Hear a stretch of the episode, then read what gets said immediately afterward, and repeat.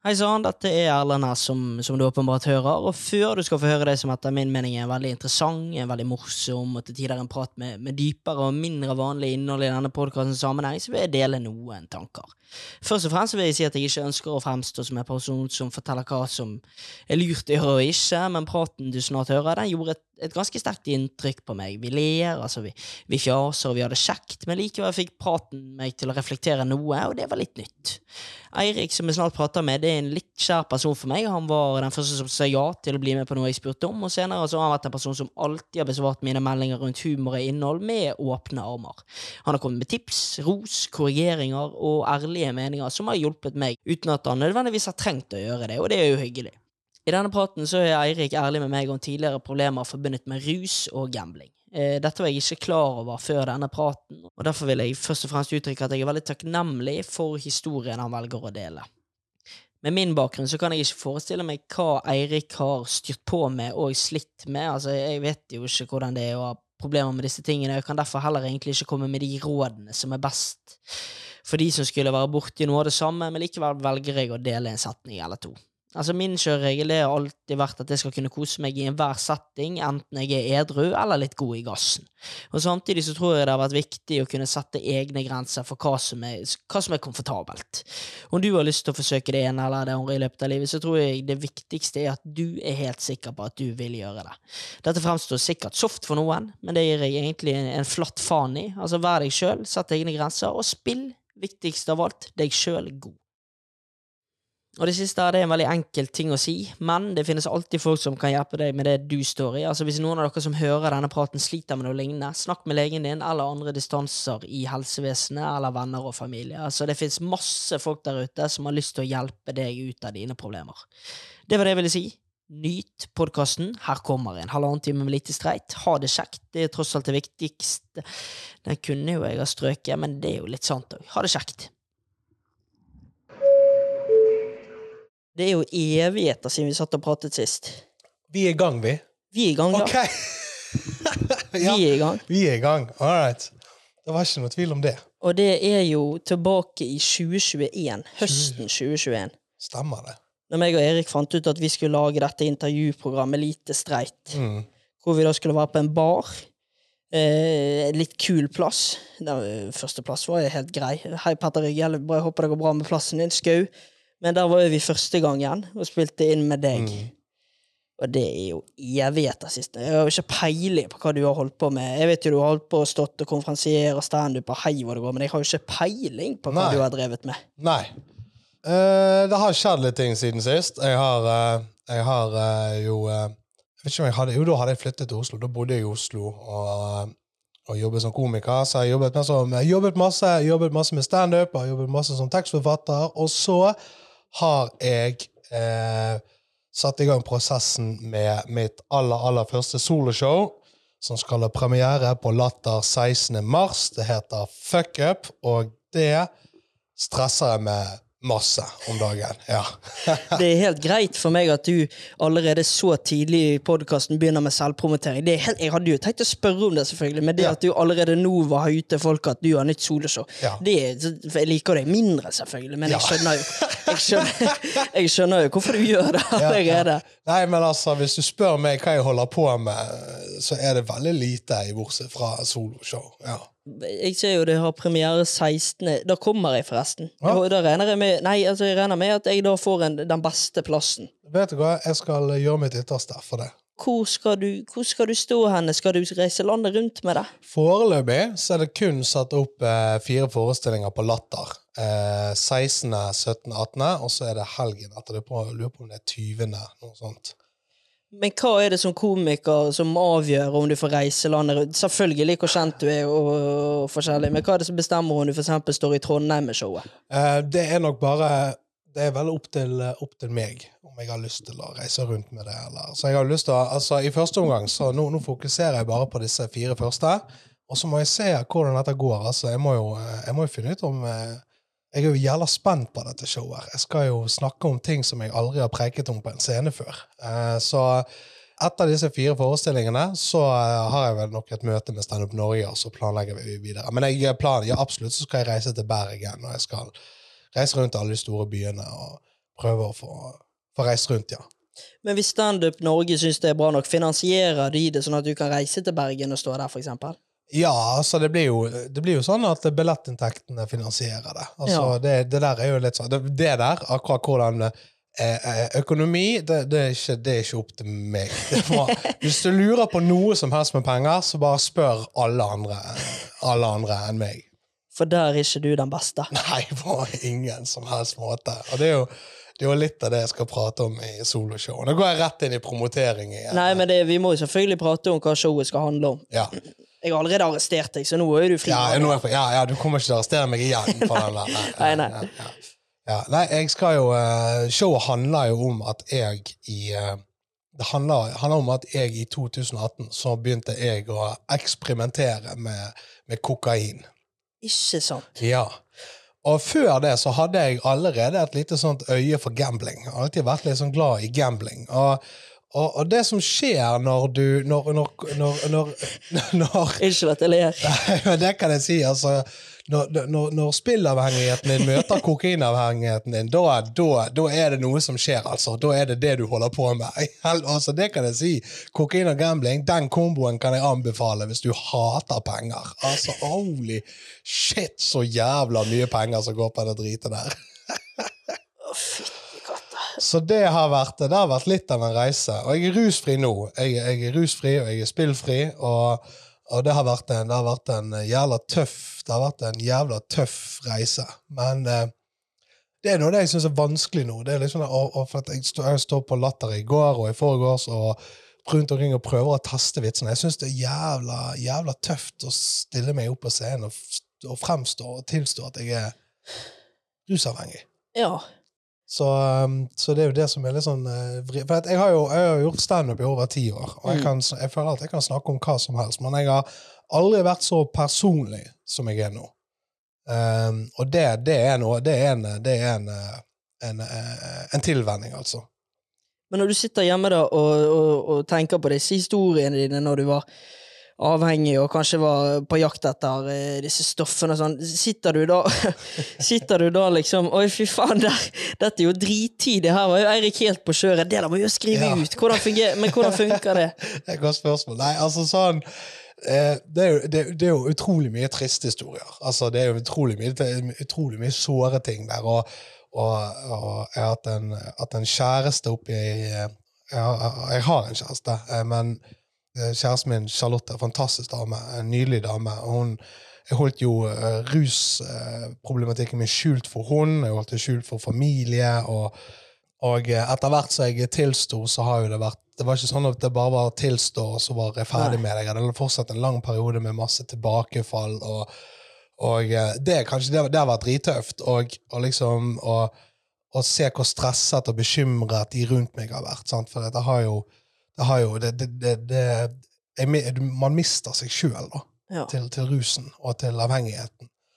Eh, men sånn isolert sett så er jo det jævla mye vittige historier med en fyr som ikke har noen som helst kontroll, skal rundt og få og, og, skal, og ingen økonomisk styring, skal få tak i penger til, til dop, og så skal han gå rundt og kjøpe. Og, for, skal, sånn, første gang jeg skulle møte en jeg skulle møte dealeren eh, jeg husker det var, sånn, det var kanskje et stort vendepunkt. Først så var det sånn at jeg fikk tak gjennom venner.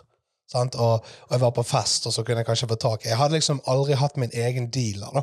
Nei. Så husker jeg første gangen han som jeg hadde, en som jeg hadde pleid å eh, eh, En som jeg kunne ringe til, og så kunne han ringe sin dealer, og så kunne jeg reise til han, og så kunne jeg hente hos han. sant? Og, og han tok alltid en liten sånn provisjon for å skaffe til meg. da. Så når jeg fikk posen, så var det alltid Han var alltid åpnet. når jeg fikk det var sånn han, var sånn han eh, Det var hans eh, bot for, for, for, for, å skaffe til meg. Så plutselig fikk jeg min egen dealer, og da Heter han X?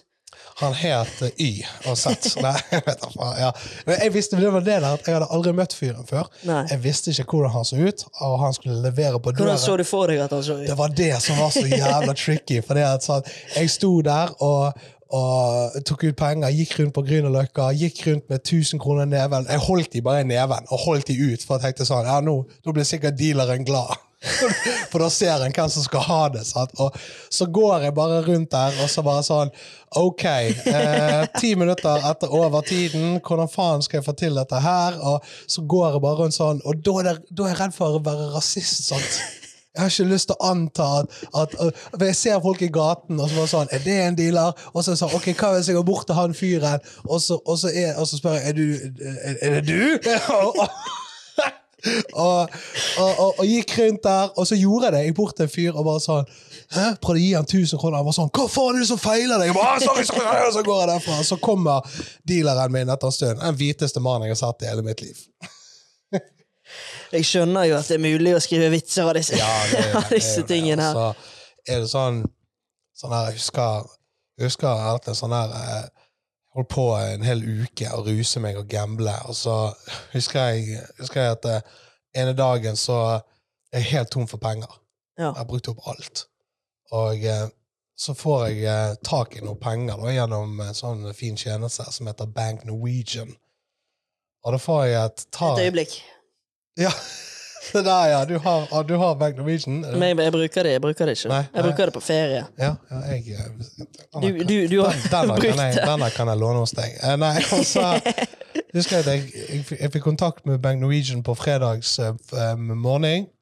Tok en forbrukslønn på 50 000. Ja. på konto fredags formiddag. Hadde du, hadde du mulighet til å bruke 50 000 på kredittkortet? Ja, ja. Å, Og jøsses. eh, lørdag, altså klokken to natt til lørdag, så var alt vekke.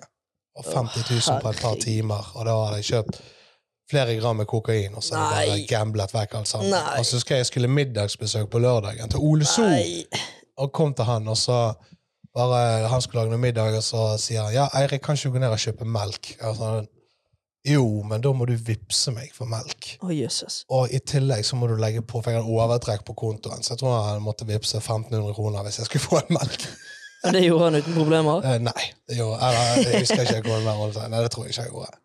Riktig. Jeg syns jo det er utrolig stilig at du, at du, at du tør å At du prater om disse tingene. Og det er jo dette er kanskje det dummeste spørsmålet jeg kan stille, men alltid når jeg hører sånne historier om folk som har vært på kjøret og gambling og sånn, og så sitter jeg og hører at de sier at de er fri da, de er ferdig med det, Mm. så er det noe i meg som ikke alltid helt klarer å stole på det når de sier det. Ja, jeg forstår.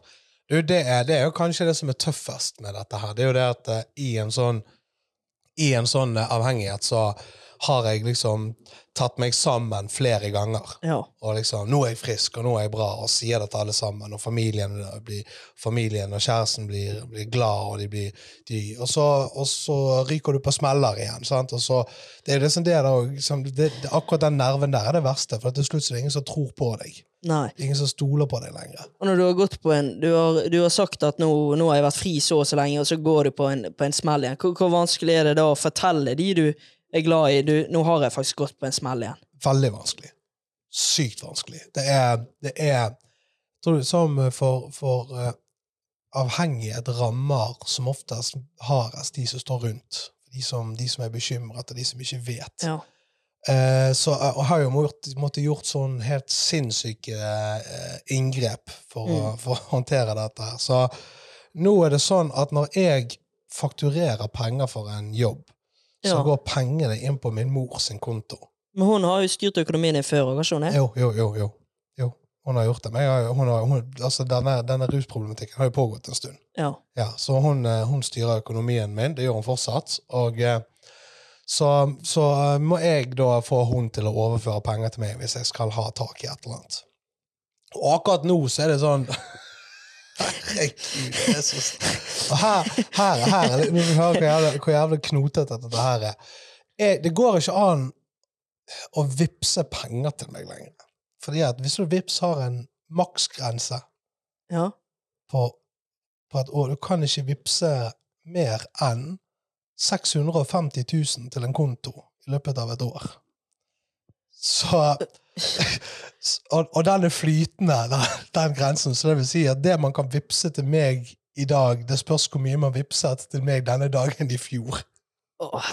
Så det var så, sånn, sånn, sånn som i dag, da. Sånn som i dag når jeg skal, når jeg skal her, så eh, skal jeg få min mor til å vippse noen penger, og det går ikke, så da må hun vippse min lillebror For han har også DNB, sånn som meg, for da kan han overføre gjennom DNB. For da Sånn går, venneoverføring? ja, eller for da går annet? det Ja. sånn direkte. Ja. Skjønner. Så, så det, det er jo liksom det der som er, og Sånn kommer det til å være for meg en stund. Ja. Eh, Frem til jeg har eh, Frem til jeg eh, har fått, fått nedbetalt Jeg skylder mye penger til skatteetaten, jeg skylder min mor penger. Ja. Nei, jeg, jeg, jeg vet jo ikke Jeg blir jo, jeg syns det er kult du forteller, og sånn, men jeg, det eneste jeg vil si, er bare faen, det er bra du jeg håper, jeg håper det er sant det du sier, at du nå er rusfri og, gamblingfri, og sånn, og så må du, faen du, du må ikke la det der rotet der lure deg. Nei, nei, det er helt sant, altså. Det fortjener både du og alle rundt deg at du ikke gjør. Absolutt. Absolutt. Og så skal vi ikke bare sitte her og prate om Nei, la oss eh, ikke gjøre det. Men, eh, men det faen, jeg, jeg tenkte liksom når jeg skal komme her, så skal jeg bare For, jeg, for meg, jeg setter veldig pris på at jeg får komme i denne podkasten. Veldig hyggelig. veldig Og, bare eh, og det er en jævla fin måte å være Å få øve meg på å være ekte på. Ja. Ja. For disse tingene skal du òg på en måte fortelle om i ditt show. Det skal så det er jo eh, Det. Ja. Det er vel treningsdetaljer. Jeg- Hvordan har det gått når du har eh, Nei, jeg skal ikke dit først. Først har jeg lyst til å spørre om hvor mye, hvor mye narkotika og drugs er det i standup-miljøet i Oslo? OK. Um, Det var curveball, men jeg ja, nei, men det, det, du, det er en del av det, altså. Ok. Det er en del av det. Um, og så Og det kommer det alltid til å være. Og det er jo sånn at eh, stort sett de, de fleste som som prøver, som prøver det. Det er ikke alle som har det der avhengighetsgenet i seg. Så, som, så det er ikke alle som blir like lett avhengig. Jeg er en fyr som blir avhengig av alt. Alt som jeg prøver og liker, fuckings elsker, skal bli avhengig med en gang. Det er, det, er, det er årsaken til at jeg aldri har fått en finger opp i rumpen.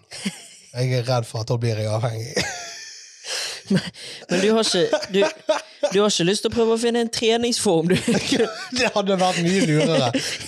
Ja, nei, men det er det som er kjipt. Jeg blir jo ikke avhengig av de, de, de, de, de tre, tre, Jeg har aldri blitt avhengig av tredemølle. Nei, jeg har null stress med å slutte. Jeg kan, jeg kan slutte på sekundene. Oi, oi. Ja, Du skal slippe å navngi, men det, så det vanker litt der, men det gjør Ja, det jo i alle miljøer. ja, det gjør det. Og det er jo litt sånn vittig når du Neste gang du er på et sted der det er Altså, i- ja, Innad i underholdningsbransjen, hvis du er på en sånn fest der det er mye sånn, hvis du er på en, hvis du er på en av de barene der folk pleier å være, og sånn som det der, og så bare legg merke til bare legg merke til når plutselig fire gutter går på do samtidig. Mm. Altså, det er sånne ting som man legger merke til etter man har vært liksom i, i, i eh, Man har for eksempel drevet med rus og sånt. Bare sånn Hvorfor går fire gutter på do samtidig? Ingen annen årsak enn at en av de har en pose i lommen. Det er jo så, Jeg er jo på, på sånn av og til sjøl her i Oslo, og det er jo det er, det er jo flust av det. Ja, ja, masse. Det er, jo, det er jo så mange tullinger der ute, Masse. så uh, på samtlige toal toaletter på Solli plass så er det jo dette drit der. Ja, ja, overalt. Overalt. Så det er jo Hvor, hvor mange tenkte på, hvor mange, hvor mange sånne fester så det som du har vært på?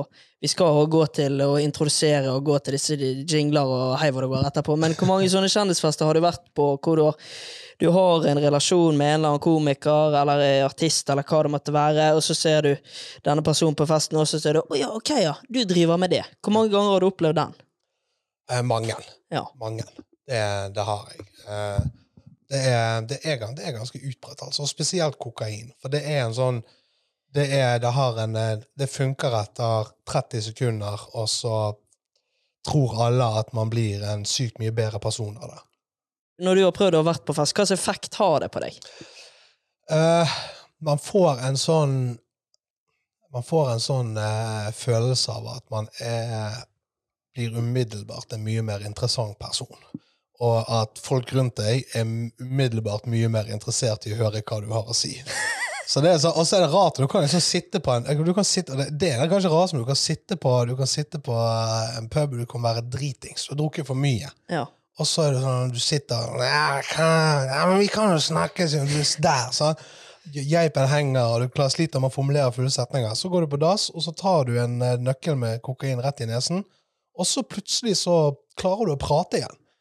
Sånn, man, blir, man blir så kvikk i hodet, og man blir så jævla sånn påskrudd, og så får man masse selvtillit, og så driver jo, så jo eh, serotoninlagrene og blåser ut eh, dopamin i hodet ditt, og du får, du får sånn masse sånne Altså, man føler seg bare jævlig bra.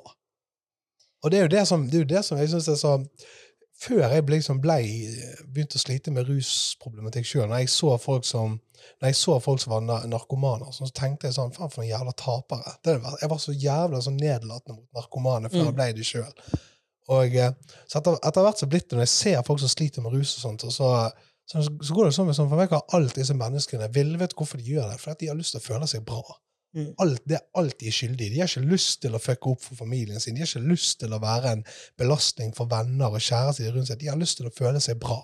Og etter lang tid med, med, med rusmisbruk så er, så er rus den eneste måten du klarer å føle deg bra på. Hvis ikke du ruser deg, så har du ingen glede. Veldig interessant. Det, Ja, ja. Og veldig mye å ta inn. Og det Ja. første jeg tenker når du sier at eh, når vi kombinerer dette med, med kjendis og kjendisfester, og at når du tar det, du føler deg mer interessant, og at du har, har flere interessante ting å si, så kan jeg bare si det at da er det mange kjendiser jeg kommer på som ikke burde ta det. Fordi at hvis det er sånn at, hvis det er sånn at man kan personligheten dobles, Ja. da Nei, Ja. da skal jeg aldri på en kjendisfest i hele mitt liv. Ja, Det er mange. aldri. Ja, det er, det er veldig sant. Det er, ma det er mange der ute som er sånn Faen, jeg håper han aldri Jeg håper aldri han Altså, helvete, hvis Jon Arne Riise hadde tatt kokain, så hadde, så hadde jeg Så hadde jeg, så hadde jeg dødd. Ja, jeg hadde bare blitt syk og dødd samme dag. Uff. Jøye meg. Det, jo, det blir jo ingen naturlig overgang fra dette uansett. Nei, nei går det greit, eller? Var det, var det, var det litt for hardt? Nei, jeg syns det, det er veldig kult at du er åpen og ærlig om det. Eh, Ja, men så bra. Det, det syns jeg òg. Vi bare går videre derfra. Vi går videre. Hvordan reagerer og agerer du på sniking i kø? Og det syns jeg er herlig. Hva jeg tenker om ordet streit, det forbinder jo det med kjedelig, normal. Var det spørsmålet? ja. Gå nå fuckings to meter til, da. Kan ikke stoppe rett etter en rulletrapp. Vi må få trommevirvel. Ja. Du er ingen streit person. Hvis du sier jeg er streit, da blir jeg forbanna. Du er streit. Lite streit.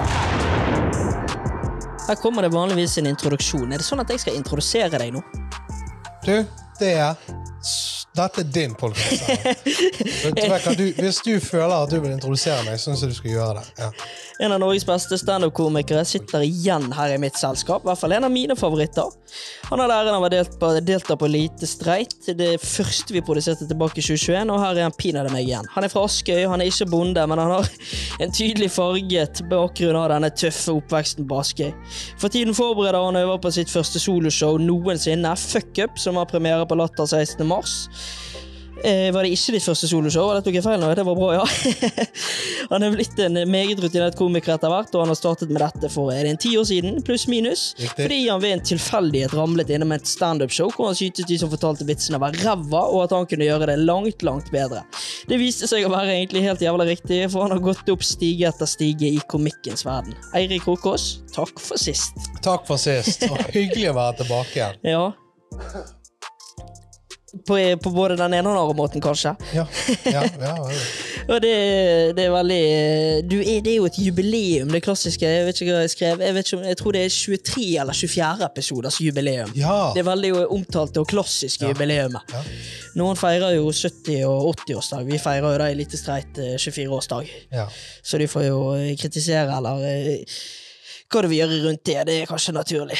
Men eh, jeg har jo introdusert deg før. altså Jeg kunne nevnt Julelatter, Latter Live, alle de forskjellige konferansieroppdragene, alt mulig. Det er så vittig, det, for du, du, er, du er den eneste jeg eh, Når jeg snakker med folk om, om standup, du er den eneste som er litt sånn, som er litt sånn eh, eh, opptatt av den konferansierbiten.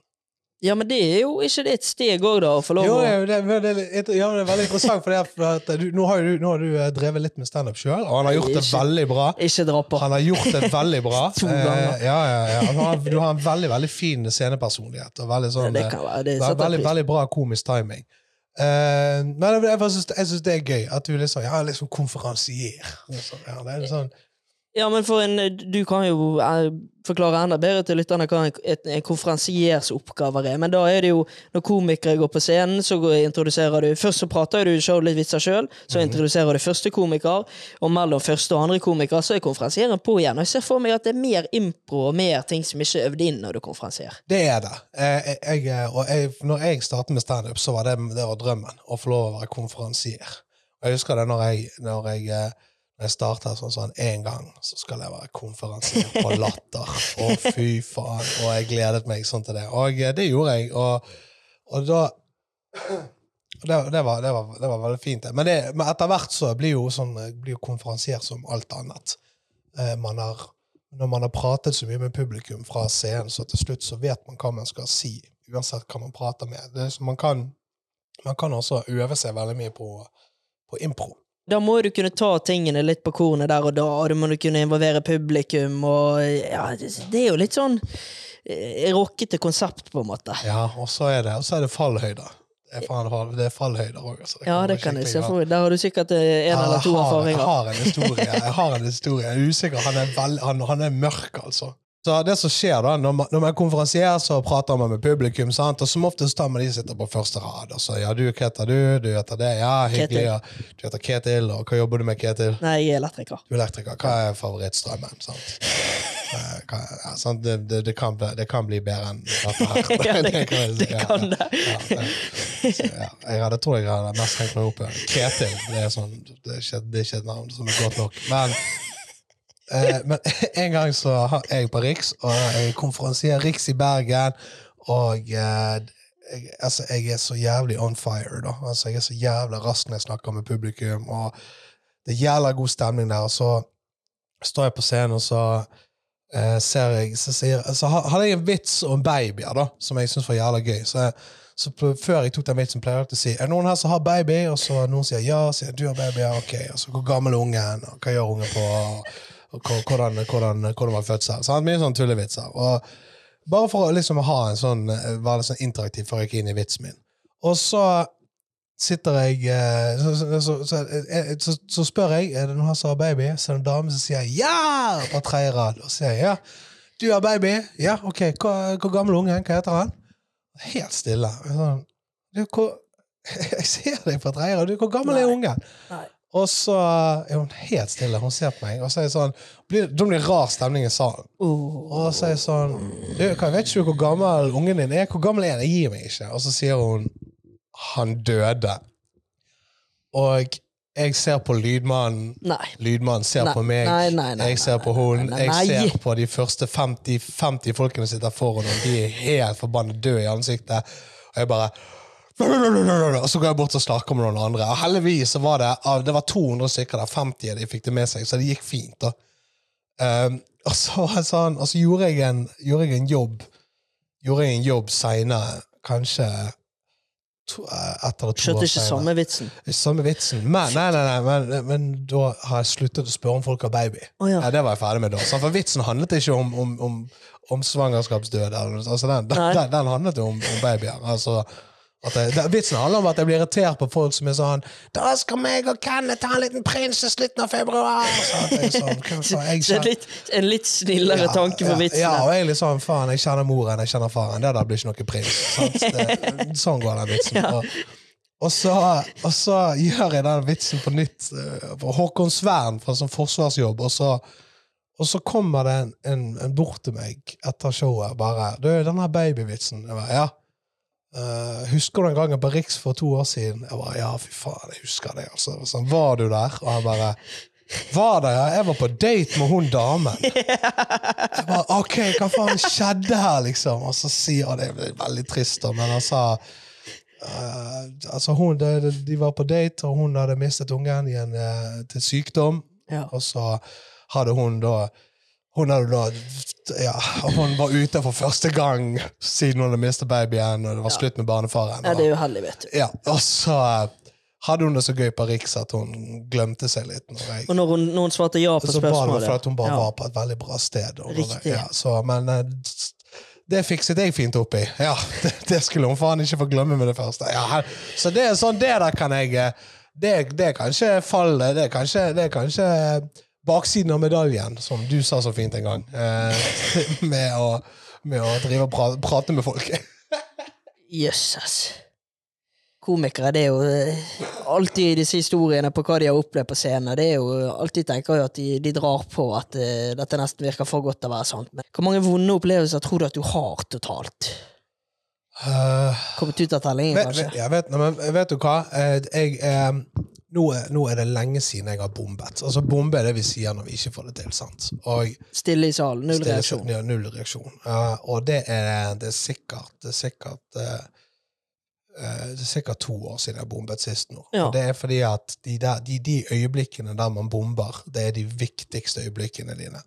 Det er, det er en sånn absurd eh, læringskurve på de tingene der. For det, det å stå på en scene foran 500 mennesker som unisont er enige i at du ikke er morsomt, det er, en, det er en følelse ingen har lyst til å oppleve mer enn nødvendig. Så, så når, når- nye komikere sier at de gruer seg til bombe, så prøver det å være litt sånn, du, du må faktisk glede deg til det. Det, det, det finnes ingen, du, det går ikke an å føle seg mer levende. Ingen bråter Nei, læringskurve. det er ikke det, altså.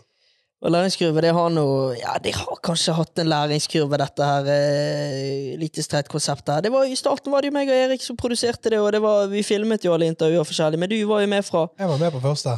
Du var med på første, Ja. og eh, da har jeg lyst til å spørre, hva husker du fra den dagen? Jeg husker at eh, Jeg husker at eh, jeg styrtet en øl og, og dro. Det det stemmer. Jeg husker at eh, jeg fortalte om eh, eh, benkehistorien min. Benkehistorien. Ja, den er jo jævla fin, den historien. Jeg den er husker, jeg husker jeg snakket litt om barneskole, og, og jeg husker at jeg husker at jeg eh, skårte ganske greit på den lite streit-greien, tror jeg. Ja, Jeg husker husker hadde at jeg, jeg, ja, at jeg misforsto. At jeg trodde, jeg trodde det var negativt. å være lite streit, ja. Ja. ja. Det er jo da veldig positivt å være litt streit. Ja. Men det som Erik har jo sendt inn det aller beste lytterspørsmålet som kan sendes inn. ja. For han lurer jo på, og det har jeg tenkt på mange ganger helt- når jeg tenker tilbake på alt det tullet vi lagde og holdt på med, men hva du må ha tenkt den gangen da du gikk ut av Skaubar etter vi var ferdige, og om det du var med på. Ja, Vet du hva, jeg skulle gjerne ha Jeg skulle gjerne ha Jeg skulle gjerne liksom ha hatt noe sånn her roasted deg litt, sånn, men jeg syns det var jævlig hyggelig å være med. Det var utrolig. syns det var Jeg syns det var en eh, Jeg synes det var en eh, skikkelig fin opplevelse. Jeg syns at, eh, at du og Erik har, en veldig fin sjargong. Jeg syns meg og deg har en, har en veldig god tone sammen. Jeg har jo preiket litt om vi skal finne på et eller annet. Ja, vi har en ganske god tone, ja. Sånn, ja. Vi prater jo litt i, Ja. her og der. Ja. Så ja, nei, det er synd. Erik skal tilbake Når han er ferdig å være flinkis i- flinkisfotograf i TV 2, Mm. så, skal vi, så skal vi tjene penger Nei, jeg skal ikke si at vi skal tjene penger. Vi skal prøve Vi skal, Vi skal prøve videre en eller annen gang. Ja. Erik skal tilbake. Ja, Hører men- du, Erik? ja, men faen. Jeg vet du sitter i denne leiligheten din der, i, der ute i Loddefjord, men det er bare til enten så kommer du deg østover, eller så, så, så slutt, slutt, du slutter. ja, men det var Erik som hadde det spørsmålet? Erik som Ja, lurte ja. på det. Du, Erik, faen, kom an, gi noe faen i det dritet du har på med. Kom an, vi trenger deg i lite streit. Så Du ser hvordan det går med Erlend her på egen hånd. Du må bare, kom igjen, Erik. Du må komme tilbake. Jeg, jo, jeg skal kanskje ikke arrestere politi når jeg jobber som politi sjøl, men det kommer han, Erik. Men an, eh, skal vi se hvor jeg skal videre. Jeg har jo ikke forberedt nesten noen ting i dag. Jeg er jo helt ærlig på det. Ja, Jeg forteller deg hva vi skal gjennom i dag, jeg. ja, ja gjør det. Du var jo med på Du var jo med når vi gjorde det som videointervju, men det er jo litt annerledes nå når det er en podkast. Det er jo litt kjøreregler. Først skal vi gjennom Er vi på rød eller grønn bølge? Det er basically hvordan du har det om dagen. Vi har jo pratet litt om, om liv og hvordan du har det allerede, men vi, vi tar eh, i nåtid også. Så skal vi ha en Let us get to know ya. Hva kalte du det? En Let us get to know ya. Let us get to know you. Ja, den er ganske fæl, egentlig. Ok. Ja, den, den krangler litt på vei ut, den. Ja. Det, den gjør det. Ja, Men det det, er bare, jeg har skrevet ned masse fordommer om deg, Ja. og så skal du eh, høre på det jeg forteller, da, og så skal du avkrefte eller bekrefte de, og så går vi Ok. litt igjennom i slutten, da. Ja, jeg har ikke skrevet helt ferdig, så jeg, jeg ville ikke tenkt at det blir for gøy. Ja, okay. Og så har vi gjestens forberedte, som jeg er veldig spent på hva du har med deg. Mhm. Så har vi gjesten rater seg selv, hvor du får eh, seks kategorier og gir deg selv en poeng fra én til ti i hver kategori og konkurrerer mot tidligere og fremtidige gjester. Så skal vi ha Er du streit, eller? Før var jo det bare en, en, en spalte i videointervjuet, men nå når jeg har gjort det som podkast, har jeg brukt hele praten til å finne ut om den personen jeg prater med, er en streit person eller ikke. Så da må du få en ny vurdering i dag. Ja, det, det, det, vil jeg gjerne ha. Streit. Vi tar den når vi kommer dit, og så har vi en Men før det går, og that's it. Vi okay. går på Er vi på rød eller grønn, vi. Hvordan går det med badekar? La meg si det slik. Rakk ølsalget med ti sekunder i sted. Ja, hvordan går det nå igjen? Nei, skjøt over katten min i stedet, så Er vi på rød eller grønn? Vi pratet om 2018 hvor det ikke var like grønn bølge. Men hvor, hvilken bølge surfer du på nå i 2023? Der grønn er positiv og rød er negativ. Ja, som trafikklysene gjør. Ja. Du, eh, bølgen min, den er grønn nå, altså. Ja. Ja, nå, har jeg det, nå har jeg det jævla bra. Trives som Så kjekt å høre. Ja, det, det, jeg, eh, jeg har det skikkelig bra om dagen. Altså. Jeg har eh, rusfri og gamblingfri, skal sette opp soloshow. Det, det jævla, det er jævla. Det, det, og, og vet du hva, sånn eh, eksepsjonelt grønn med tanke på hvor eksepsjonelt rød han har vært. Kontrasten må være Ja, tydelig. det er veldig tydelig. Og du har funnet kjærligheten, har ikke du? Jeg har fått meg en fantastisk kjæreste. Charlotte heter hun. Hun er veldig tålmodig.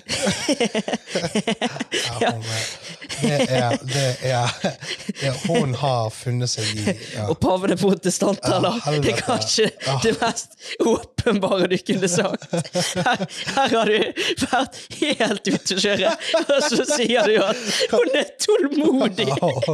Unnskyld. ja, hun, Unnskyld. hun er ja, det er, det er Ja, OK, sånn, sånn Det er litt sånn eh, vi, jeg, jeg, jeg, blir jævla fort jævla ekte. Jeg håper det går fint her. Ja, Altså. det går bra.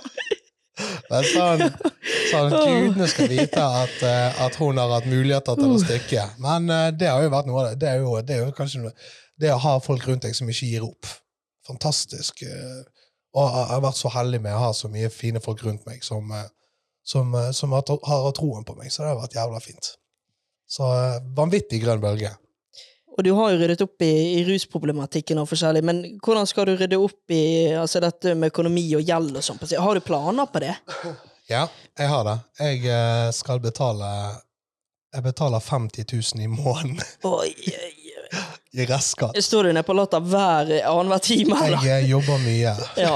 jeg jobber mye. Jeg gjør det. Ok. Men det, gjør du flere ting i standup? Eh, jeg jeg, jeg, eh, jeg gjør standup, og så gjør jeg eh, så, jeg så, så skriver jeg veldig mye. Ja. Jeg er jo tekstforfatter også, så det innebærer at jeg skriver for andre komikere, jeg skriver for, eh, for TV-programmer. Sånn. Jeg har skrevet, jeg skrevet mye av de roastene som har vært. Så, så, Hvor den, mye, så du har skrevet en del av den siste nå? ja, masse. Du har det, ja. Da Mm. håper jeg ikke du har skrevet for Erik Follestad, for han syns jeg var dårlig. Jeg skrev ikke for Erik Follestad. Ok, Det var jo en veldig interessant greie, for hun Martha Leivestad fikk jo Ja, hva var det for noe, da? Folk drev og slengte dritoen i kommentarfeltet Ja, på og TikTok og, det der- Instagram. Og det der, er, det, der, det der er så jævlig provoserende å følge med på. Altså. Men så er det òg det med det der Det er liksom det er liksom Jeg tror jo ikke at Jeg tror jo ikke at, at, at, at, den, liksom, den, den hetsen den kritikken på at det, altså, at det, samsvar, altså, det, det, det gjenspeiler seg ikke i, i flesteparten av, av, av folks meninger. Men de som mener det de Men som, hva er det de mener? de som mener at, eh, at Martha Leivestad ikke er morsom, og de som, de som kommer med stygge kommentarer om utseendet hennes Personangrep. og sånn de, jeg, tror, jeg tror ikke det er så inn i helvete mange av dem, men de er så inn i helvete høylytte. Ja. Så de, de, de mener det virkelig. Det er, jo, det er jo folk som kommenterer de tingene. Det er jo helt åpenbart eh, unge gutter som ikke er spesielt ferdig utviklet i hodet sitt. Det er, det er, det er masse ja, men kan, kan de unnskylde det, da? Nei, det unnskylder det ikke, men det, det burde ta vekk eh, en, en del av, av tyngden i det. For det de, som, de som sender sånne meldinger, er jo sterkt hjerneskadet. Altså, Det er jo ingenting som fungerer i hodet deres når de, når de hiver seg på sånn som det der. Og så, er det, og, og så tror jeg at, det, at, det, at det er viktig å, viktig å prøve å huske på det. Altså at, at de meningene, de som mener de tingene, de har ikke meninger som er verdt å de, som, som, de har ikke meninger som har noe tyngde bak seg. Det betyr ingenting at de folkene mener det. Tenker jo også, Når man er, man er en offentlig person, enten man er fotballkommentator eller komiker, eller hva det måtte være, man får jo masse hets slengt på seg i tide og utide, og selvfølgelig så må man la det blåse over hodet, men det blir Det kommer jo til et, et punkt hvor, hvor det rett og slett blir for mye for altså. Ja, i helvete, det der kan jeg det der kan jeg ikke se for meg. Jeg, jeg kan ikke se for meg hvordan det der kjennes på kroppen, altså. Ja, jeg, eh, og så er det også jævla Har du pratet med henne? Ja, lite grann. Ja.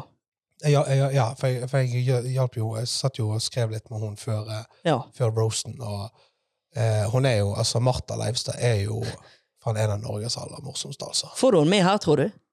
På denne podkasten her. Ja, tror du det? Det kan jeg. det kan jeg. Jeg tar hun gjerne som gjest. Hun er øverst på listen min, og jeg har okay. altfor få damer. Ja, ok, ja, men eh, du, det skal jeg Det skal jeg, det skal jeg spørre. Du kan jo spørre, i hvert fall. Ja, Og så driver jeg ikke med tvinging, som jeg pleier å si. Ja, nei, og det har ikke noe å si for meg om du driver med tvinging. altså, sånn, den trusselen, den, den kjenner jeg ikke på kroppen. Ja. Er det en litt sånn eh, det en litt sånn trussel i bakkant av den? Jeg driver ikke med tvinging. altså, det, du, det ligger litt latent i den setningen at du er i stand til det. Og, og her er liksom det er veldig mange som har prøvd å tvinge meg til noe. De har ikke fått det til. Og hvis det er noen som Skatteetaten har prøvd å tvinge meg til å betale skatt i flere uten å få det til, så jeg vet ikke hvilket pressmiddel du har som ikke de har. For de har ganske mange. Uff. Hvor var vi igjen? Martha Leivstad, Ja. du vil ha henne som eh, på podkasten din. Ja, men før det. Vi pratet jo om all denne hetsen hun og hun var jo den uten tvil den desidert mors Ja, hun drepte det der oppe, altså. Ja, hun var så jævlig god. Hun var i siget. Hun var i siget som faen. Oi, oi, oi. Hun hadde grønn bølge på scenen der. Ja. Så synes jeg, Du har jo sett den, åpenbart. Ja, jeg, jeg, jeg, fikk ikke, jeg fikk ikke sett den live. Jeg Nei. den i ettertid. Og det kan jeg også si om eh, jeg kan også si om Martha, som jeg syns er, synes er jævlig Som jeg syns er jævlig Som jeg synes er jævlig stort av Martha. Martha skrev eh, eh, mesteparten av roasten sin sjøl, og hun skrev en jævlig bra roast. Så jeg var inne, og så hjalp jeg til på roasten sant? Det er noen du er nødt til å skrive mye for, og noen du er nødt til å skrive lite for. Og Martha hun, hun, var, hun kom forberedt, og, og hun var på, og, og sånn som det der. Og så er det en sånn ting, når du, når du skriver vitser for folk, så er det sånn, det er sånn der, det, Noen ganger kan det være sånn kjipt når du skriver vitser for andre komikere, og så ser du at komikere går opp på scenen og leverer dine vitser, og så sitter du som i salen, og så kommer det sånn Faen, det der er min vits, sant? Og så, og så blir du stolt, og så samtidig så er du litt sånn Faen, jeg skulle ønske jeg var kjendis, jeg kunne stått der oppe sjøl, da. Eh, og der syns jeg Martha var helt sånn, for når, når jeg, kom, jeg, kom, jeg kom liksom til Rosen, for jeg var på en annen jobb, så kom jeg, på, jeg kom liksom til etterfesten.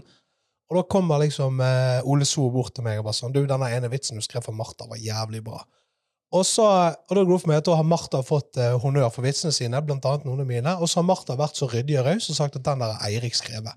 De er kult av Det henne. er sånn, det er så jævla det, Jeg syns det er så jævla kult gjort. Det er realt. Det er, sånn, det er bare sånn For det er det, det, er, det, det er det ikke så mange som gjør. Så hun, er, hun, er, hun er morsom, hun er vanvittig morsom, hun er utrolig snill, hun er smart, og så er hun, og så er hun raus. Som er sånn Hun fortjener bare, bare hyggelig omtak i, kommentarfeltet. Ingenting negativt, altså. Absolutt. Og det der pratet jeg faktisk litt med, med Ole om når han var gjest hos meg. Og da skriver jo han også litt vitser for forskjellige komikere. Så spurte, spurte jeg han om det der når han, når han sitter og ser på komikere som fremfører vitser han har skrevet. Om han da bryr seg om den vitsen har et positivt eller negativt utfall. Og da syns jeg å huske at han sa nei, det får nå være.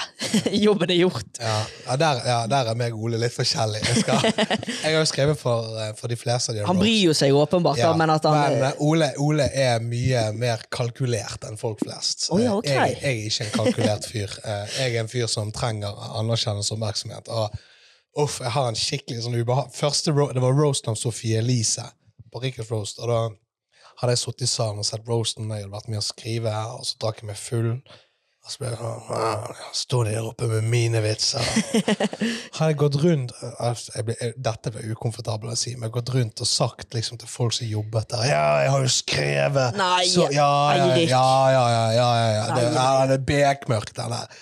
Og da, og da husker jeg Da husker jeg neste dag skulle meg og Ole på jobb sammen. Og så, jeg, kom, jeg var så dritings dagen før, så kom jeg fyllesyk, og han bare sånn Faen, du var stilig i går! Og jeg var så hæ? Og Olav, jeg, jeg, vet, jeg har gått rundt og sagt det til folk som Ja, nei, det var bare ja, skikkelig ja, den, den kjenner jeg. Jeg kjenner mer på det enn den babyhistorien. Nei, den, den er jo ufin. Uff, uff, uff, uff, uff, uff, uff. Ja, hva tenker du da, når du gjør det? Nei, da, da, da skjønte jeg at uh, men, at, faen, jeg, det, det, at jeg er nødt til å faen, ta meg sammen, da. Jøsses. Ja. Vi skal jo eh, vi skal videre her en gang til. Jeg skal lete etter en overgang. Skal vi se dykke ned i manuset her. Jeg har jo skrevet litt på T-banen. Jeg satt ved siden av en, en, en dame og en kar som drev, drev og kysset. Jeg syns det er så rart når folk driver og kysser på kollektivtransport. Ja. Det er full T-bane. ja. Med tunge. Det Nei, ok, Jeg har- jeg- okay, okay, okay. ok, La meg stille spørsmål. Ah, Hør nå, Det er en ting som er sånn at man sitter og ser på hverandre, og så lener man seg framfor et kyss. Men hvis de sitter og kysser Det er egentlig det jeg lurer på. Det er ikke så viktig for meg det tunge. Men hvis man sitter og, og kysser over lengre tid, da er det veldig, veldig rart. Ja, det er det. Men der, Var det det de gjorde? jeg vet ikke om det var tunge. Jeg tok jo ikke Nei, men røntgen. ikke- Jeg tok ikke røntgen. Nei, men, liksom. men hør nå på spørsmålet mitt. da. Ja. Var, var det et kyss, sånn, et lite smask på munnen, eller satt de og klinte, liksom? Det var, De vekslet på en måte mellom kyssing og, Ja, ok, og, så det, og lengre altså, Seansen varte en stund, da? Ja, det var ja da er det ekkelt. Det var- Jeg er enig. Det var en intervalløkt. Men der jeg ville Men der jeg ville, det er jo det at komikere, sånn som jeg har forstått det, det er jo det at det beste hjelpemiddelet de har her i livet for å komme på nye vitser, det er å gjøre seg observasjoner i hverdagen, sånn som den jeg refererte til nå på T-banen. Ja.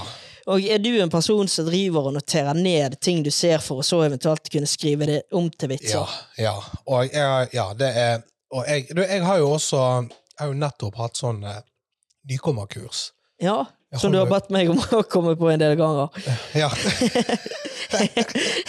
Jeg er ikke for god, det er ikke det jeg sier. Fortsett. Eh, vi har sånne, I Stande Bergen så har vi sånne nykommerkurs. Der, eh, der, da, da er jeg kursholder, og så får vi noen folk som har lyst til å debutere, så lærer jeg dem å skrive. og og, og, sånn og en av de tingene som sier, er liksom at man må Du er Obi-Wan D. Ja, Skywalker. ab absolutt. Ja, meg og jeg snakket en del. Du skal bli min standup padawan. Eh, ja, nei, det, så det, det, man man er nødt til å tenke standup hele tiden. For det er liksom det da at komikere stort sett opplever jo ikke morsommere ting enn andre folk. De bare er flinkere til å formidle det de ser på en morsom måte. Det er bare det vi må. Dere ser hvor humorpoenget ligger i den situasjonen. ja. ja.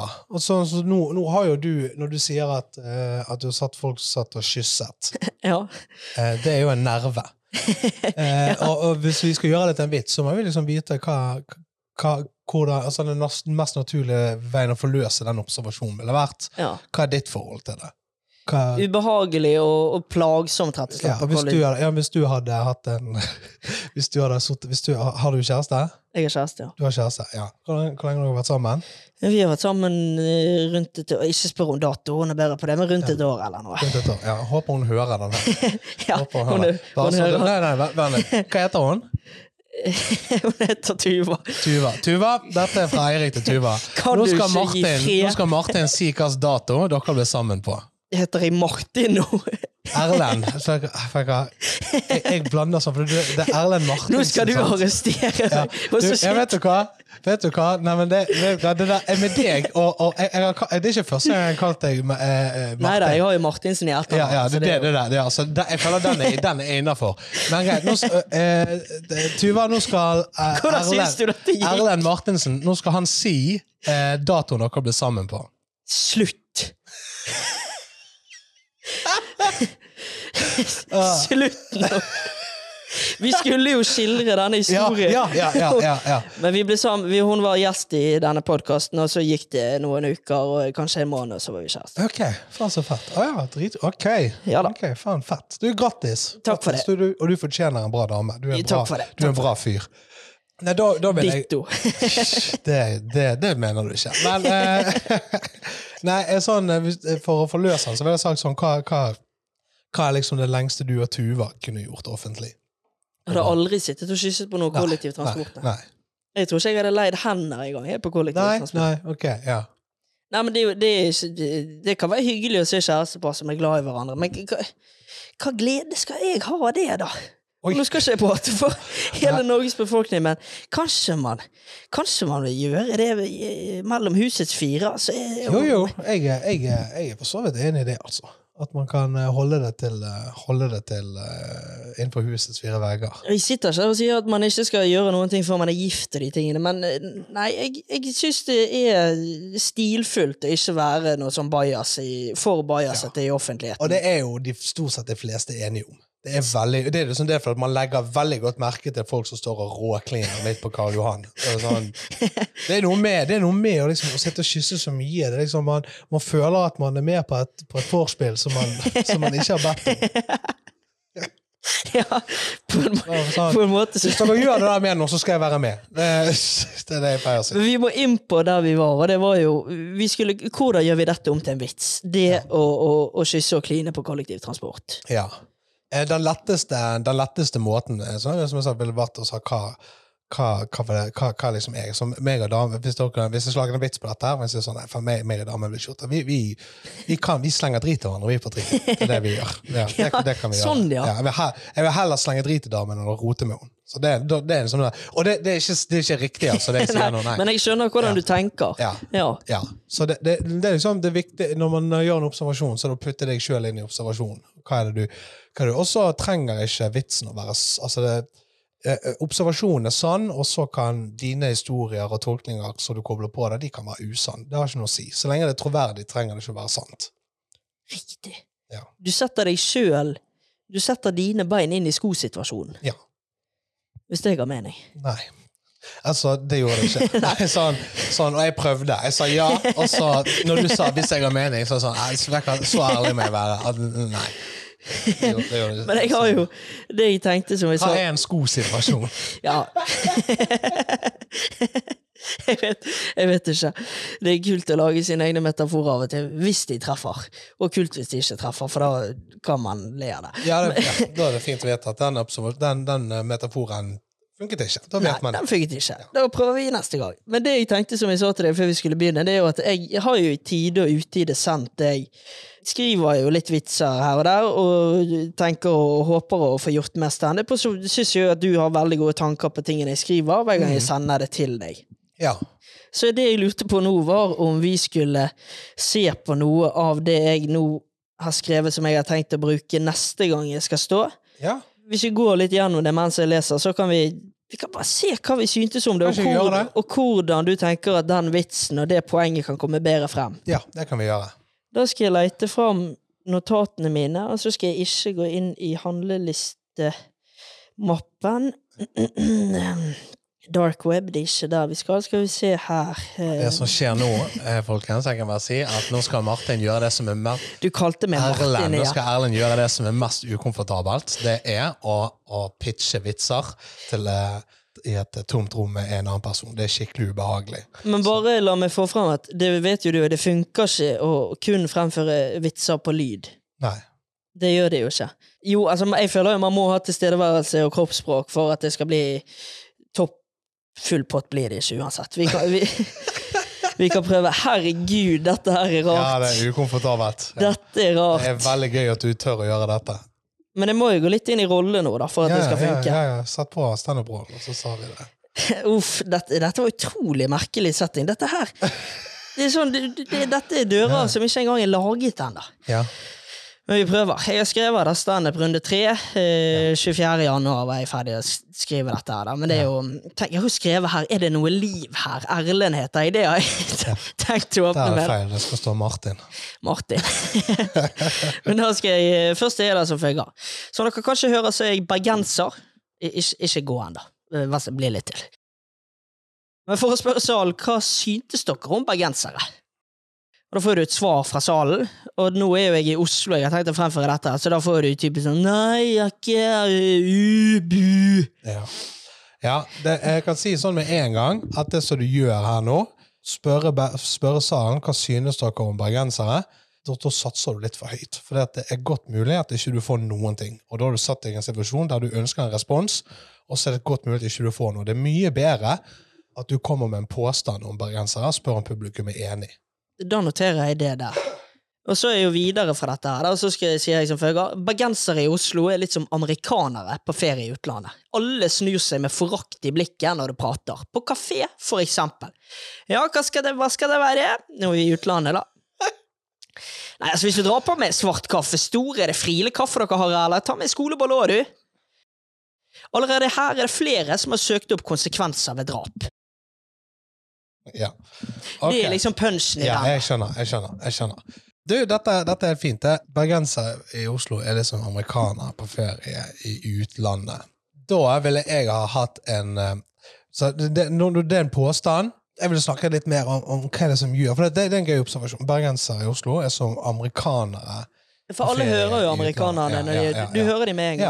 Ja, ja så, så sier det du, ja, Man hører dem, og man irriterer seg. Og så er det noe med for eksempel, den, den, den plassen du hører bergensere best det er sånn, Vi bor i Oslo nå. Mm.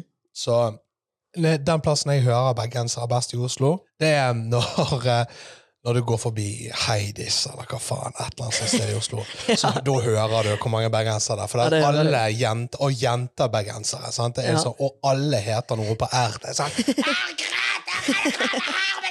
så bare, sånn, da hører du de som faen. Jeg må tydeligere gjøre den vitsen, da. Ja. Den, det poenget kommer ikke godt nok frem. Nei, ikke når du bare sier amer amerikanere på ferie i utlandet. Det er en påstand, og så eh, må du fortelle oss hvorfor den påstanden stemmer. Sted og tid, og, så, og, og hvordan er amerikanere på ferie i utlandet? Høy, høylytte? Er det Ja. bare det? Høylytte, og så virker det som at de sier alt de tenker. Ja. Og så er det en ting som altså Det som jeg syns er gøy med den observasjonen der, er jo det at eh, det som amerikanere har til felles med bergensere, sånn umiddelbart, er den der eh, bedre-vitere-egenskapen. Det, er jo sånn-. Ja, det er jo en, det er jo en, det er jo en gøy kobling. Yeah, we don't need a map. Ja. We know where the rock Ja, is. Vi trenger faen ikke noe Google Maps. Du bare spør på Seven. Ja. Så det, det, det vil jeg tenkt sånn eh, når du, når du kommer med en påstand, så rettferdiggjør han i litt større grad. Rettferdiggjør han. Men jeg går videre, jeg.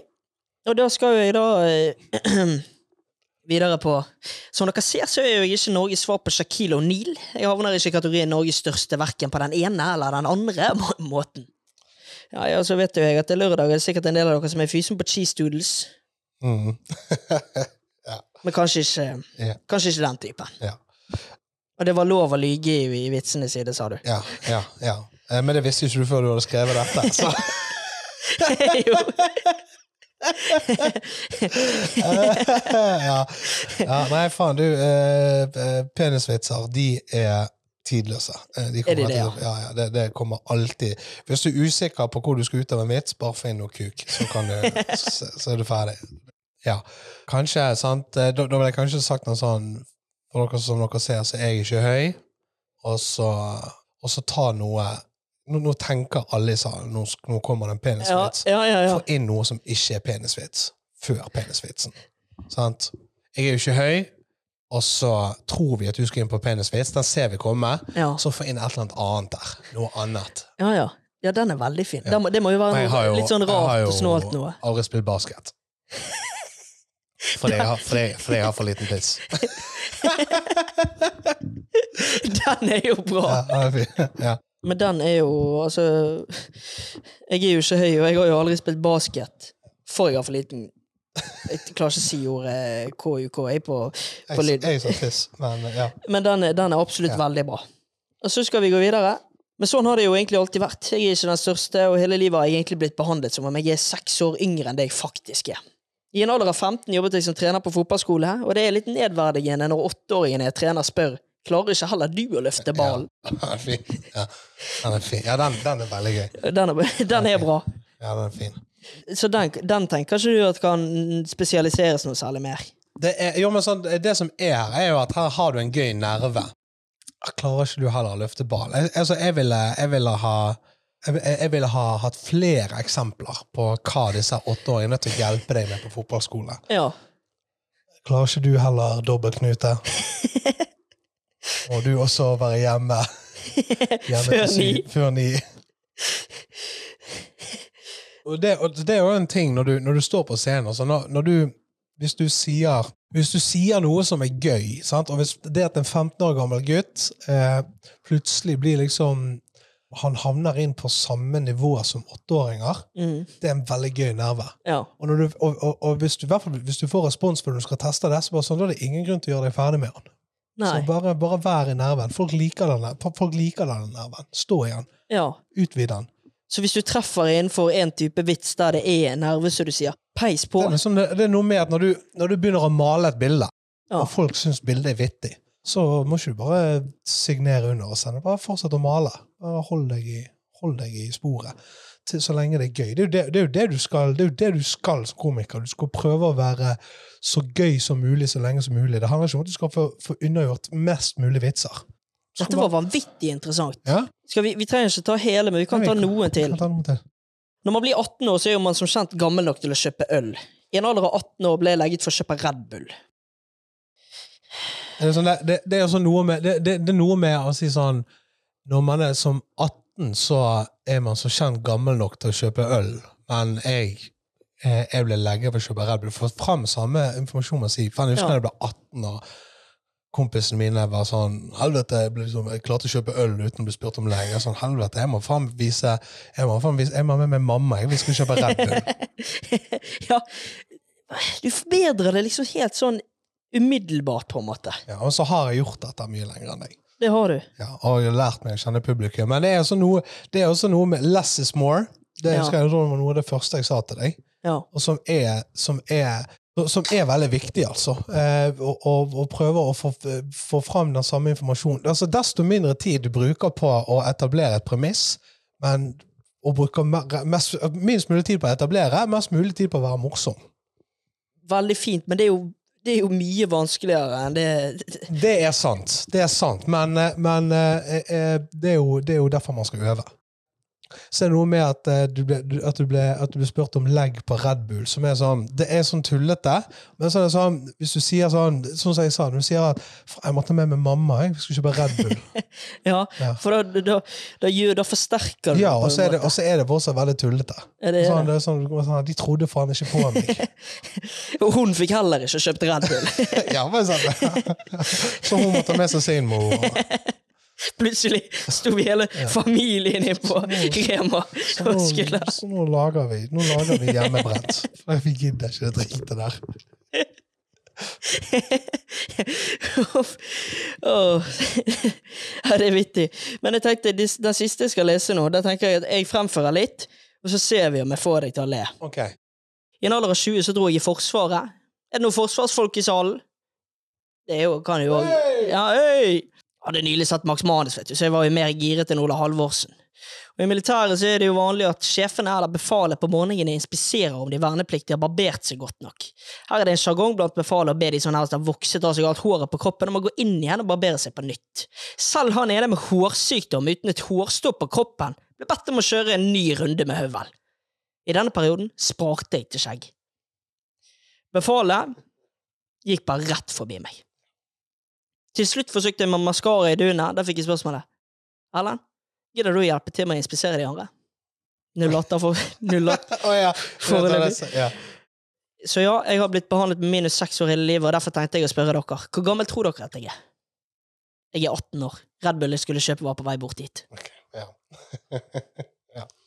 Ja. Dette var forferdelig avslørende og rart. Ok, men, eh, men sånn, men sånn så, så må du huske på én ting. At sånn når, når meg og deg sitter og prater sammen og er morsomme sammen mm, Jeg sitter ikke og fremfører standup-biter til deg. For det, man sitter ikke og preiker standup når man sitter og prater med en kompis. liksom. Det er ikke Nei. sånn man gjør. sant? Så når du, når du fremfører standup-vitser, så sitter jo jeg og lytter som, som en kollega. Jeg trenger ikke unnskylde at du ikke Nei, nei. Jeg skjønner, men, du skjønner at det er forskjell Ja. liksom, å være, liksom, å, å være morsom i en, i en samtale vi sitter og tuller, og å sitte og fremføre tekster. Det er liksom det, den historien din. Jeg ville ha bare prøvd å komprimere den til sånn, Mm. sånn Du får liksom sammen, sammen det samme. Bare sånn Ser dere, ser dere dette skjegget her? Ser dere? Jeg har spart i 22 år. Jeg husker da jeg var i Forsvaret, de skulle ha sånn eh, skulle, skulle ha sånn her de- og inspeksjon, og befalet gikk rett forbi meg hver gang. Og jeg hadde spart, liksom. Jeg prøvde. Fargelagte det for å prøve å få det til å se mest mulig mandig ut. Jeg pleide til og med å si når jeg gikk forbi sånn Helvete, i dag er jeg skjeggete. Han så meg faen ikke engang. ja, det, det er bra, vet Prøvde å si sånn Faen, jeg har glemt å barbere meg. Jeg bare sa Jeg hadde så lyst til å få den derre Hei, du, inn igjen på badet og barbere deg, din jævla skjeggete mann. Fikk han aldri. Det er bra, vet du. Altså, du, det, og det er gøy å si, at, sånn, at du satt og sånn høylytt snakket om barbering. Og så, jeg har mistet alle barbersorgene mine, så huff, håper ikke jeg blir tatt i kontroll. Ja. Ja. Og så er det litt sånn ulogisk brist for meg at de skal sende ut en, eh, en menig for å det er sånn, sånn der gøy sånn at du skal være med og sjekke de andre.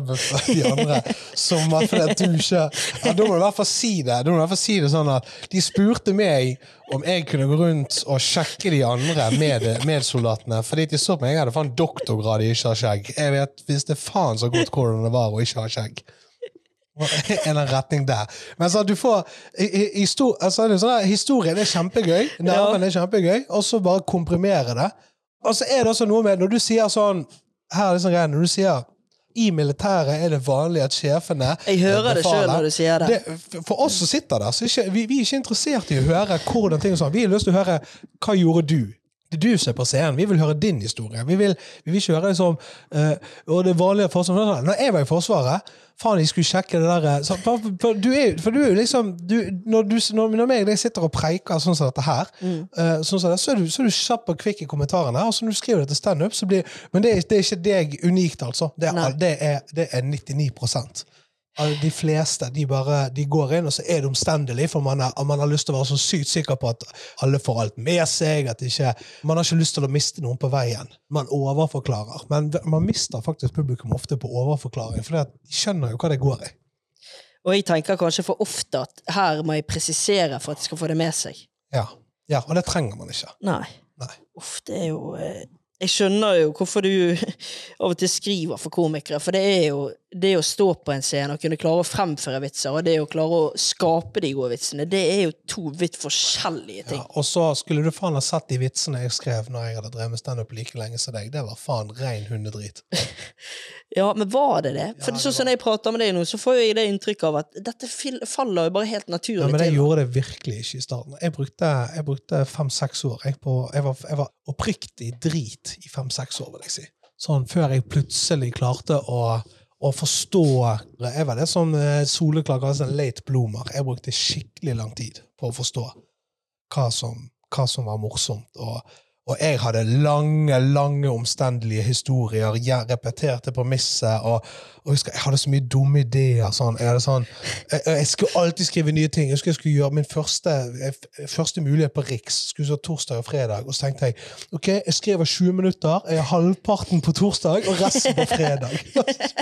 Hva faen? At jeg skulle komme på å se på fredag og bare fortsette fra torsdagen. Bare sånn, men jeg tenkte ikke at det var Jeg tenkte at alle sammen drar jo på standup hver dag! Hæ? Det jo, må jo det! Og sånn, Helvete for en idiot jeg var. Og hadde, jeg husker jeg hadde en sånn lang historie. Bare fordi at jeg skulle snakke britisk. Jeg hadde sett, jeg hadde sett eh, Snatch, Logstock and Two Smoking Barrels, sånn Guy Ritchie-filmer. Altså. Så jeg hadde en lang bit som ikke ga noe mening, bare for at jeg skulle si sånn Well, well, well, what do we got here? Og jeg bare sånn, Å, helvete! Jeg gjorde så mye drit i starten. Uff. Hvis jeg hadde drevet med standup like lenge som deg, Mm. så hadde jeg stjålet alle de vitsene. Nei. Jo, det hadde jeg. Ja, altså, jeg var Så du, du har jo humorteft. Ja, det vet jeg ikke, men Jeg vet. jeg, jo, Nykommerkveld gikk jo ikke helt greit. Og så gjorde jeg eh, Jeg ble jo leid inn til firmafesten til Ernst Young. Altså På grunn av at jeg da kjenner han ene som jobber i Ernst Young. Hvordan gikk det? Det gikk jo dritbra. Ja. I hvert fall ut ifra hvordan jeg syns det gikk. Ja, men Men da skrev jo jeg Det er jo økonomer, sant? så da tullet jo jeg bare med Tesla, og at uh, de som går på BI, de er jo ikke verdt noen ting. Og hallo, var dere på Geilo i helgen, eller? Det var jo dritfett. Og ja, ja, ja, bare ja. Men det, det blir på en måte veldig sånn Da spesialiserte jo det veldig sånn, så de catchet jo alt. Og da har jeg ganske sikker på at jeg har objektive kilder, men òg subjektive kilder, som jeg mine venner som er veldig kritiske, som òg lo. ja. Det var jo veldig gøy. Så jeg kan, jeg kan si sånn som de, de vitsene som du har skrevet nå, du kunne ha gått altså Hvis du hadde gått på prøverøret med de vitsene der, så hadde du fått respons for det, du hadde fått latter på det. Og så er det jo sånn, når jeg gir, når jeg gir innspill på de tingene, det, så er det bare, det, det er sånn jeg tolker standup. Det er sånn jeg tolker humor. Mm. Det er ikke gitt at det jeg sier er riktig på noen slags måte. Nei, men jeg syns jo at de innspillene du gir, jeg syns jo materialet blir bedre etter har Ja, gitt dem. og da, da skal du ta det til deg. Men hvis jeg kommer med innspill som du ikke liker, så skal du ikke ta det til deg. Det var, det var det første rådet jeg fikk av Ole Sone, starte med standup. For det er veldig mange folk som har lyst til å gi innspill og råd til en fersk komikerspire, som har lyst til å være med og sette sitt preg på denne komikeren. Så kun ta til deg råd som gir mening for deg. Ja, det skal jeg gjøre. Mm. Og så er det jo litt sånn, jeg har jo vært for lat på det, eller jeg har stått to ganger, og så er jeg holdt på og jobba jo med sport og forskjellig, men jeg syns jo altså det der det kicket man får av å stå på scene, det er jo altså Det er jo ingen Det, det, det Ingen skal måle seg. det kan måles Fotball det kan være ja. like fett eh, av og til, men det å stå på scene og at folk ler av deg Helt sykt. Og du tvinger, som jeg sier, jeg driver ikke med tvinging, og du driver ikke med tvinging, og de ler. Det er jo helt Ja, det er helt, vanvittig. fantastisk. det helt fantastisk. Ja, det er helt nydelig. Det er så rart, da, vet du. Ja, det er det. Det er så rart. Mm. Og herre, nå kommer det et dumt spørsmål.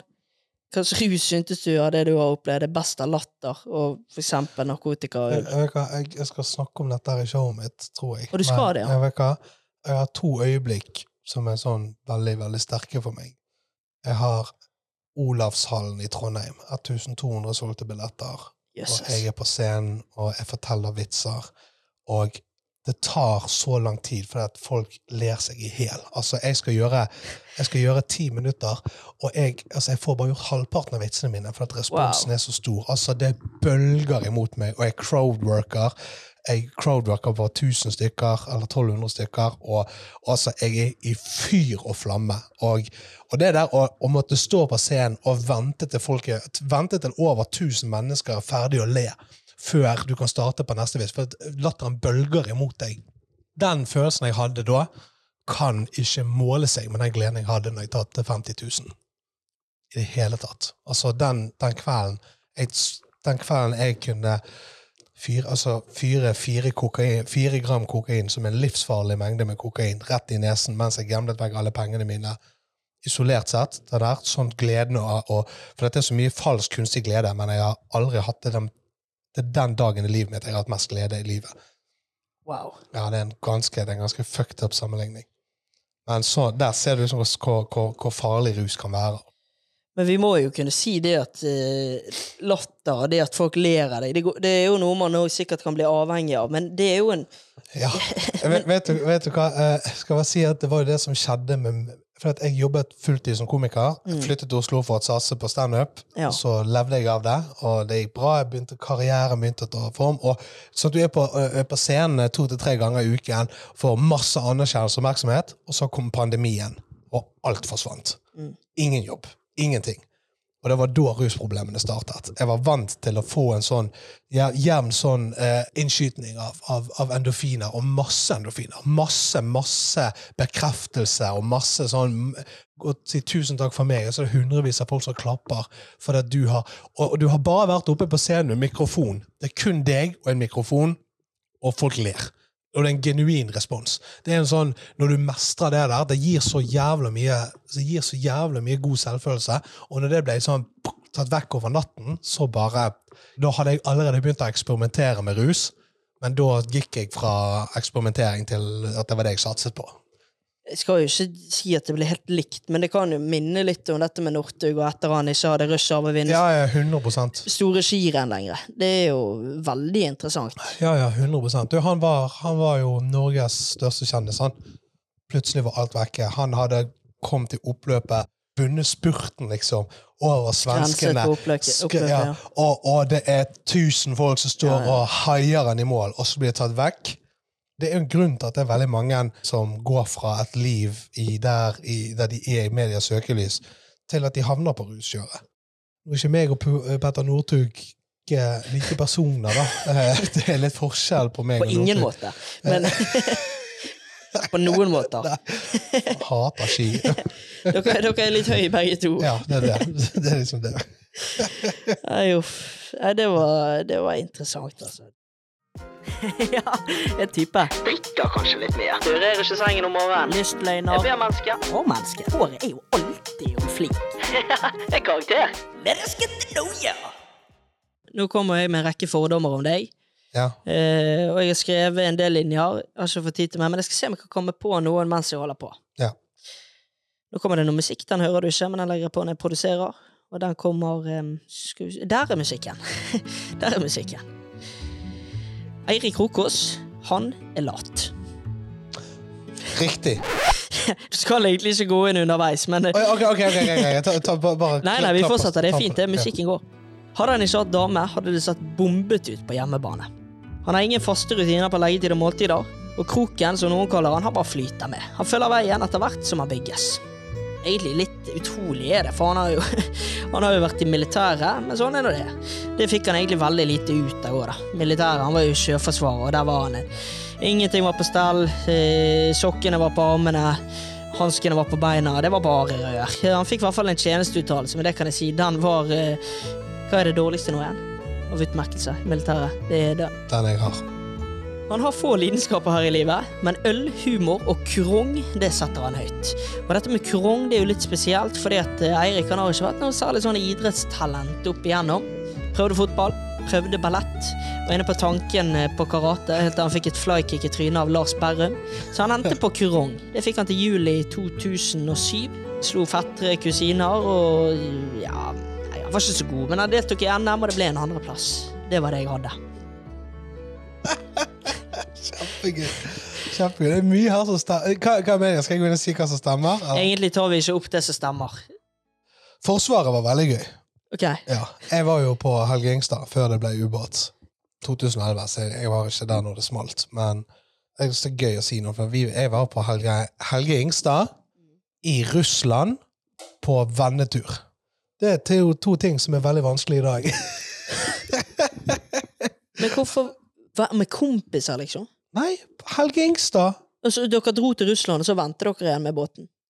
Nei, altså, hele, hele mannskapet på Helge Ingstad reiste til Russland. Eh, Hva betyr Severomor- vennetur? Altså, altså, for å vise at vi var Da var vi allierte! Oh, ja! Da var vi allierte. Hva, faen, hva er det du ikke forstår her, kompis? Altså, Jeg er jo ikke kompis med Putin, men vi reiste inn til Severomorsk, og så Hva er det du tror? At vi er på roadtrip? At vi bare leier en fregatt? Jeg, jeg har ikke tatt Botox, eller Jeg har ikke droppet ut av skolen. Jeg skal heller ikke være med på Far med kjendis, men nå hørtes det ut som alle tre tingene stemte. Nå er det blondeste jeg har vært med Ja, på. det var, det var. Herre jeveni. Ja, vi var, vi var i Russland, og for, for, Uff. Ja, dere var på vennetur til Russland. Du skal gå syv. Du kommer jo aldri til å rekke å stå på Latter i kveld. Altså, det var, det, var, det var spesielt å være Jeg husker jeg da var, eh, jeg var inne på en russisk pub, Ja. og så kommer jeg kommer jeg inn og så står jeg i baren, og så kommer det en sånn dame bort til meg, og så hun å snakke til meg på russisk. Og jeg, sa han, jeg kan ikke tro at du, av alle som er her inne, så er det meg du vil Altså, jeg har Norge-flagget tatovert på altså i, nei, som i, på, på, på drakten, liksom. Jeg er den eneste her inne som ikke forstår russisk. Og hun bare prater til meg, og jeg bare nikker til henne, og så plutselig kjenner jeg at dette skjer i lommen min. Og så griper jeg tak i hånden hennes, for da har hun tatt lommeboken min. Eh, Hva i all verden? ja, hun prøvde å stjele den. Og så tar jeg tak, og idet jeg griper hånden hennes Jeg sitter på russisk soldatpub. Så bare blir det nesten sånn stille. I, sånn som skjer film. Så film Ja, ja, sånn, det blir helt stille. Og folk ser bare på meg. For at, faen, jeg står der og så har jeg tak i en russisk dame. Og så tar jeg bare opp hånden og så viser jeg lommeboken til alle sammen. og så kommer det så sitter det nærmeste båsen og sitter det tre sånne russiske offiserer som reiser seg, og så går de bort og så tar de tak i henne og så drar de henne med seg ut av puben. Tipper hun døde. Det tipper jeg. Men hva hadde Og jeg hadde ingen penger i lommeboken. Jeg, jeg har alltid vært et dårlig offer for, for å, å, å, å rane. Uff. Oi, men hva, grad, altså, hva, fikk du, hva fikk du i tjenesteuttalelse fra militæret? Jeg tror jeg fikk en ganske bra en. Altså. Det var jo sånn spesiell, for jeg gjorde jo så jævlig mye drit. Husker jeg, vi, vi skulle jeg var, jeg, De likte meg jævla godt om bord. For jeg var veldig friskt pust. Sant? Jeg, jeg eh, var eh, livsfarlig på fylla. Og, altså, hvis, hvis Norge måtte forsvares i fylla, så hadde jeg klart å holde Jeg kunne holdt russeren alene. Altså. Det er jeg helt Ja, ja. sikker på. Jeg var helt gal. Jeg vet ikke det, men ja. ja. Uh, og eh, jeg husker sånn Vi var på Harstad, og så skulle jeg stå vakt. Og så bare stå bare, jeg, Du er første vakt der. Jeg står med porten, står med porten, og så står jeg og bare ser ut. Jeg står der i sånn fire timer, og jeg ser ikke en kjeft. Og så er det bare sånn Plutselig snur jeg meg rundt, ser jeg folk bare går inn bak meg. Så har jeg stilt meg med en sånn en port som ikke brukes engang. Så folk har bare gått inn og ut av verftet. Og så går jeg på byen, drikker meg dritings, og så kommer jeg inn på verftet. Og så går jeg liksom mot båten, og så plutselig så bare får jeg et eller annet Jeg får ånden over meg, løper jeg gjennom en sånn låvedør ja. inne på Og ingen skjønte noen ting. Det var foran befal og alt sammen. Og befalet var veldig sånn, De passet på meg. Vi, sånn vi er på verft, vi er på besøk på en verft, ja. vi, har, vi har en menig som løper ned dører. Det går jo ikke bra. Så, så, så jeg hadde søkt om jobb i Forsvaret, og så befalet de har skjermet meg. Sant? De bare sånn Eirik, Eirik, ok, vi skal, vi skal fikse dette. Bare sånn, sånn, hold dere der. Og så neste gang jeg er full, folk har filmet det, så går jeg bort og så viser jeg filmen Nei. til nestkommanderende om bord. Og han er sånn Helvete, Krokås! Jeg er den eneste om bord som ikke skal se den filmen der. Og du er den som viser den til meg. Altså, Hvor dum er du? Altså, Jeg er ansvarlig for å disiplinere menige som ikke oppfører seg, og du viser meg en film at du gjør hærverk! Og så Jeg ble tilbudt jobb i Forsvaret. Det er jo helt Og utrolig. så, men så fikk jeg en annen jobb, så jeg var sånn, gikk, jeg at jeg, var sånn, gikk opp til han nestkommanderende og bare Du, jeg eh, kan ikke ta jobben likevel. Og da var han sånn Du, vi har, vi har jævlig lyst til å ha deg her, Eirik. Vi har Ja. lyst til å ha deg om bord. Eh, som var helt sykt. Men eh, her er jeg. Du var et friskt pust. og Tenk eh, når du sier det at de ville ha deg der, så det- da satte jo de veldig pris på at du kunne, kunne være han som viste denne videoen som skulle vises Ja, og så pluss at jeg var jo Jeg var jo jeg, var, jeg har aldri vært stygg med andre enn meg sjøl. Så um, Ja, du er jo snill. Jeg syns, du er veldig snill. jeg, er veld, jeg, er, jeg er veldig snill med alle, alle Ja. andre bortsett fra meg sjøl. Jeg er egentlig det. Fortsett å være snill med deg sjøl, da. Det skal jeg. Lover du? Jeg lover. Ja, det var utrolig. Vi skal ikke ta så mye mer, og vi, jeg pleier jo å konkludere om gjesten er streit eller ikke. Ja. Og du er jo streit, altså det er jo, du må jo ha egne kategorier. Det er jo Du, la oss være ærlige. Jeg må være den minst streite. Ja, ja, men det vil jeg ikke si ja eller nei til noen på, men du er i hvert fall langt ifra streit. det setter jeg pris på. Skal vi prate om mer før vi gir oss? Hva er Vet du hva, klokken? jeg tror, jeg, jeg tror vi har deg. Skal vi ta, jeg har glemt ett lytterspørsmål. Det er fra Martin Lepperød. Ja. Og det som er helt utrolig, det er at av alle vennene dine som har tid til å sende spørsmål, så er det Martin Lepperød som Ja. sender spørsmål. Det er ikke alle disse elektrikerne tømrerne du Nei, sender fra oss. nei, nei. Det er ikke de som fikk, nei, du fikk sikkert ingen spørsmål fra noen av mine. Jeg fikk kun av Martin Lepperød. Ja. Og Martin Lepperød han lurer jo på da Skal vi se, finne han her. Dette blir det siste. Dette blir det episoden som er før det går. Martin Lepperød han lurer på hva er det som gir deg motivasjon til å ikke gi opp på generell basis.